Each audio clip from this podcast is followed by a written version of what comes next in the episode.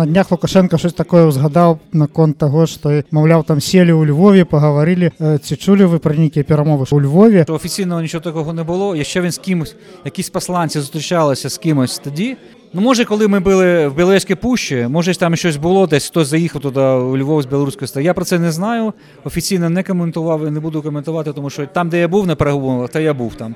в Білоярській пущі, то я бачив, що там говорилося, там білорусів не було. А ви казали, що Лукашенко шукав контактів з Зелін. Він дзвонив, намагався, вони розмовляли, мені здається, навіть під час цього було, і коли делегація була, були контакти. Але я не чув, що були якісь контакти після перемовин Білоярської пущі. Я принаймні не брав участі в їх організації.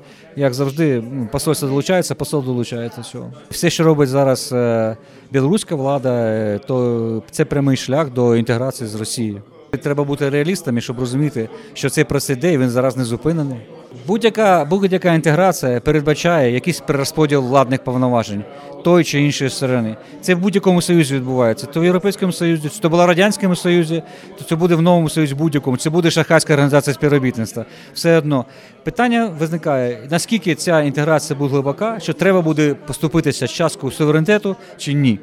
Якщо поступитися з часткою суверенітету, в якій сфері, таке інше. Тут дуже багато питань викликає. Те, що я наразі бачу, іде просто зараз опрацьовування якесь питання, оце перерозподілу цих от е, повноважень, скажімо так, в рамках союзної держави. Як воно буде працювати? Ну, я маю це створюються комітети спільні, створюється парламент комітет спільний, це комітети по митним справам, так, так. Спільна е, військова доктрина, тобто спільні збройні сили можуть створитися. Це все йде. І в рамках цього інтеграції може будь-який перерозподіл. Але треба подивитися, як воно буде далі працювати. Наразі, наразі я бачу, що йде певне е, зрощування, скажімо так, е, державних органів в Росії і Білорусі. До якого ступені це дійде, я не знаю точно. Це треба подивитися буде. Чи є це позбавлення повноважень одного президента чи керівника іншого, тут е, питання покажуть історія.